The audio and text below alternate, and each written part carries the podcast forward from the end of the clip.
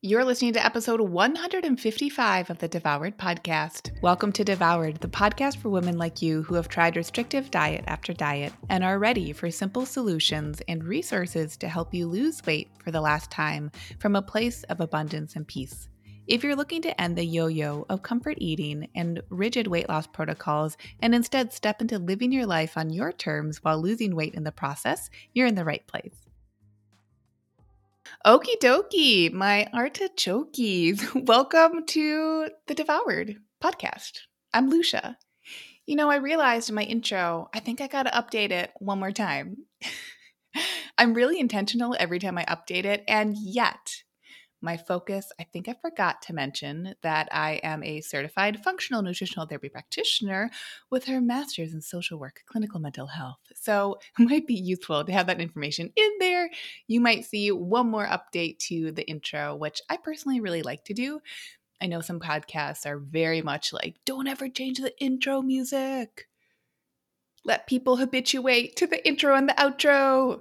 I keep the music the same, but I do change what I say at times because that's life. It's an evolution, it's ever evolving. And sometimes you forget to add in your certifications. so you just pop them in. No big deal. Today on the show, we are talking about a very common theme that arises when we're in these conversations of being in our bodies having human experiences, looking at the foods that we consume, the movement that we take in, the lives that we lead, and the hearts that we have. One of those themes, one of these patterns that at, when I say it's common, why I share that is not to be like, hey, you're not special. You're not doing anything special. What I mean when I say something is common is that you aren't alone you have a whole community of people that are actually here in community with you. And this is actually why I love to do the group coaching in Lean and Liberated because more often than not, when someone is being coached on a group call, what they're being coached on is going to bring something up in the others who are on the call or watching the replay, and it's going to be supportive for them too. That's why I think it's so awesome when people bring up and are ready to like hop into being coached on a live call is that they're doing a service to other people and they're just continuing to strengthen the fact that we're a community. And while the outputs in our lives might look different we have different jobs we live in different places we have different goals ideas careers etc we still have a lot of commonalities. And so one of those commonalities that can come up through the coaching is this concept of feeling like we have to have everything all together. We have to have everything in its place before weight loss can happen. We have to get all of our ducks in a row. We got to be the star student. We got to be get the A plus, the gold star. I've done podcast episodes on that before. I'll I'll link those in the show notes too cuz you know, they add to this conversation. But here's what's happening. When we feel like we have to have our lives all together, like all squared away before weight loss can happen, that, my friends, is a form of all or nothing, this or that thinking. And when we make our lives into being this or that, yes or no, all or nothing, this, and I teach this in one of the modules in Lean Liberated, this is part of and comes from the root of diet culture. To believe that our lives do not exist in shades of gray, and like insert whatever shades of gray joke you need to right there. Like, I'll give you a second. Get it out. Not only are our lives, are we always living them on these beautiful spectrums, but when we really truly feel safe inside, when we believe from the inside out that it is safe to be nuanced, that is safe for us to have individual preferences, that is safe for us to have different scenarios that require different things from us or for us, this is really when life can become oh so freeing. And so when we believe and we're in a pattern of thinking of that life is all or nothing, what I want to share right now is that that belief serves us really often. It might serve us in continuing to create a, a habitual circumstance that reinforces itself, but we don't come to our habits without good reason. Sometimes we might not understand the reason logically. On paper, the reason might not make sense. But to our bodies, to the creatures that we are, there is always some reason why we're doing something. And so, feeling like we have to be all or nothing, totally in, totally out, on the wagon, off the wagon, any of those thoughts that fall into that bucket of all or nothing thinking are thoughts that are occurring in a sympathetic stress mode. And we have our sympathetic stress mode for a reason because it's life saving. When we're stressed out from an evolutionary perspective, our stress mode gives us a fight, flight, fawn, or freeze response. We didn't come to those unintentionally. It literally saved our life to potentially fight in a situation where our sympathetic stress nervous system was activated, or to freeze in the same situation, or to leave flight in that situation, or to fawn in that situation. And so I want you to know that if you are feeling the effects of diet culture, and I raise my hand because baby oh baby, we live in it. Right? This is our, a big, large part of our modern culture is simply diet culture. You look at marketing, you look at advertising. Diet culture is all around us. We're in a soup of diet culture. And we're like the little noodles that are being like, I don't want to absorb that anymore. I am done with it.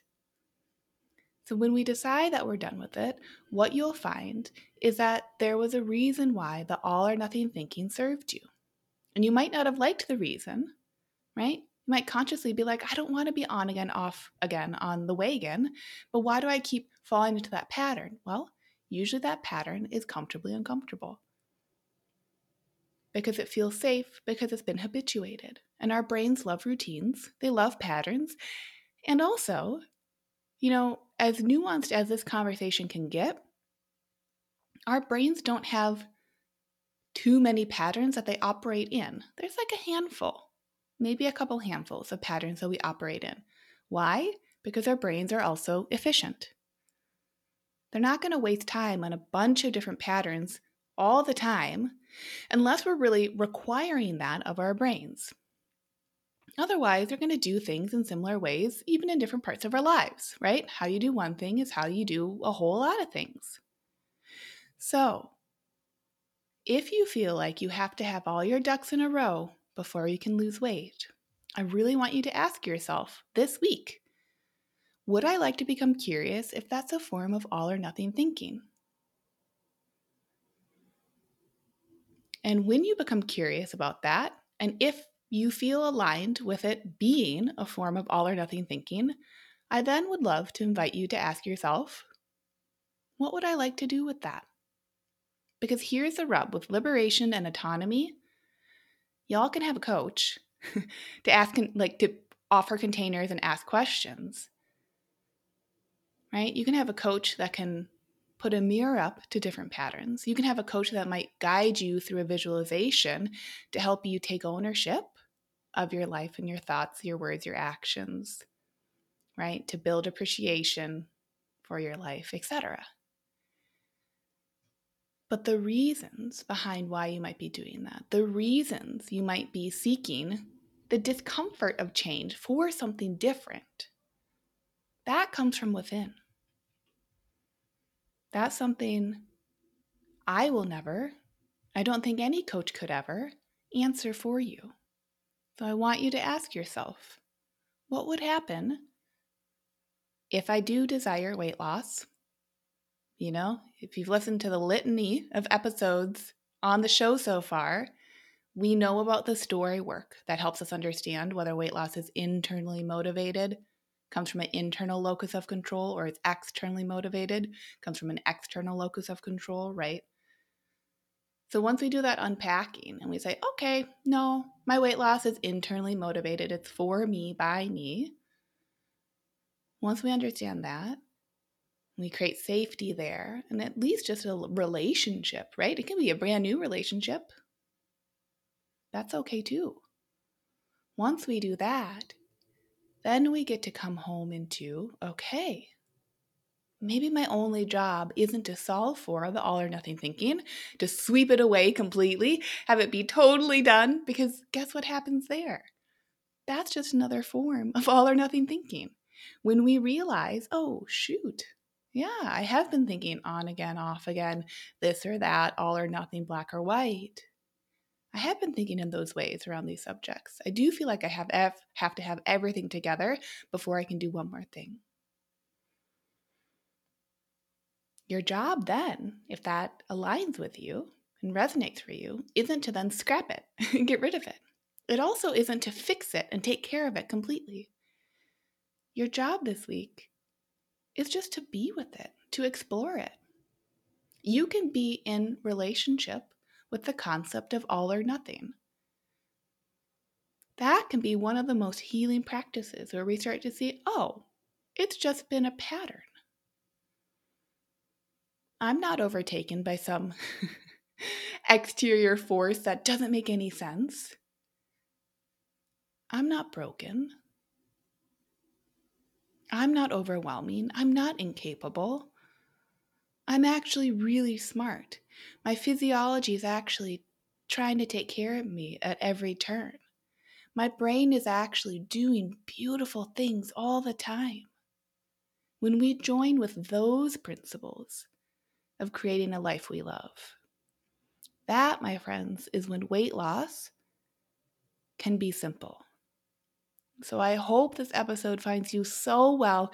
Thank you for being here. I love and appreciate each and every one of you. It is always an honor to hop onto this podcast every single week.